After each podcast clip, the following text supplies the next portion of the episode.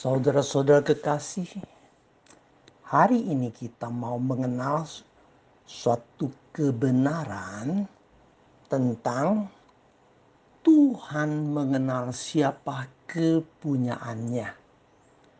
Ayat masnya terdapat di 2 Timotius pasal 2 ayat 19. Bunyinya, tetapi dasar yang diletakkan Allah itu teguh dan meterainya ialah Tuhan mengenal siapa kepunyaannya dan setiap orang yang menyebut nama Tuhan hendaknya meninggalkan kejahatan. Dasar yang teguh adalah Yesus Kristus sebagai dasar gereja. Sehingga berbagai ajaran sesat termasuk ajaran antikristus tidak mungkin bisa menggoncangkan. Dasar yang teguh juga berarti siapa saja mendengar firman Tuhan dan melakukannya adalah orang bijaksana yang mendirikan rumahnya di atas batu karang yang teguh.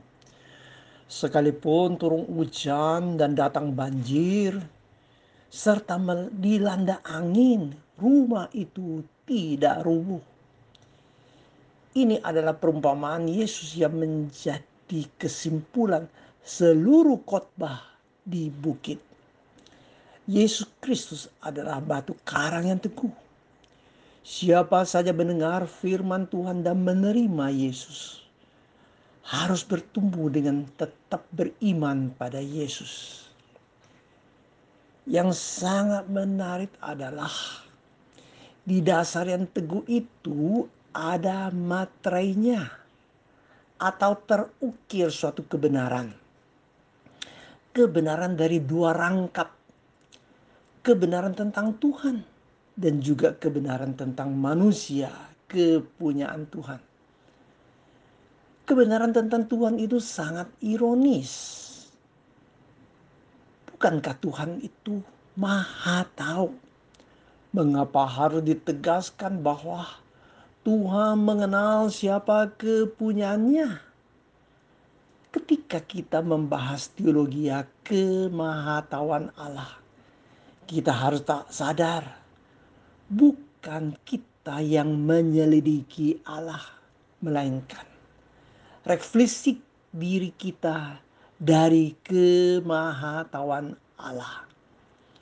Tuhan Yesus pernah mengatakan dari buahnya lah kita bisa mengenal nabi palsu. Pohon yang tidak baik pasti menghasilkan buah yang tidak baik pula. Dilanjutkan dengan berkata, bukan setiap orang yang berseru kepada Tuhan, Tuhan, Tuhan akan masuk ke dalam kerajaan Allah. Melainkan orang yang melakukan kehendak Allah Bapa terhadap orang yang tiada ibadah sejati itu. Dengan terus terang Tuhan Yesus berkata, Aku tidak pernah mengenal kamu. Enyalah daripadaku, kamu sekalian pembuat kejahatan. Sungguh aneh tetapi nyata. Tuhan Yesus mengatakan, aku tidak pernah mengenal kamu. Mengapa Yesus mengatakan aku tidak pernah mengenal kamu? Karena barang siapa menyangkal aku di hadapan manusia, aku juga akan menyangkalnya di depan Bapakku di sorga. Injil Matius pasal 10 ayat 33. Rasul Paulus juga mengatakan, jika kita menyangkal dia, dia pun menyangkal kita. 2 Timotius pasal 2 ayat 12. Orang Kristen sering menyangkal Tuhan dengan perbuatan jahat. Tuhan Yesus pernah mengatakan, kerajaan sorga seumpama sepuluh gadis yang mengambil pelita dan pergi menyongsong mempelai laki-laki. Ada lima gadis yang bijaksana yang siap sedia minyak dalam pelitanya. Ada pula lima gadis yang bodoh yang tidak siapkan minyak dalam pelita. Yang sangat mengenaskan ketika lima gadis yang bodoh itu terlambat datang karena pintu sudah ditutup. Sekalipun berseru, Tuhan, Tuhan, bukakanlah pintu. Jawabannya adalah, Sesungguhnya aku tidak mengenal kamu. Paling penting, Tuhan Yesus mau menyadarkan kita. Karena itu berjaga-jagalah. Sebab kamu tidak tahu akan hari maupun akan saatnya. Harus berjaga-jaga.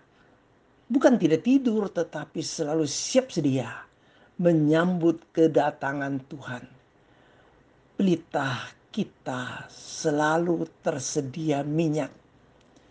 Minyak di sini melambangkan iman yang sejati, kebenaran dan kehadiran Roh Kudus yang terus menerus. Paling mengerikan adalah suatu hari kelak di hadapan Allah. Tuhan mengatakan kepada kita, "Aku tidak mengenal kamu.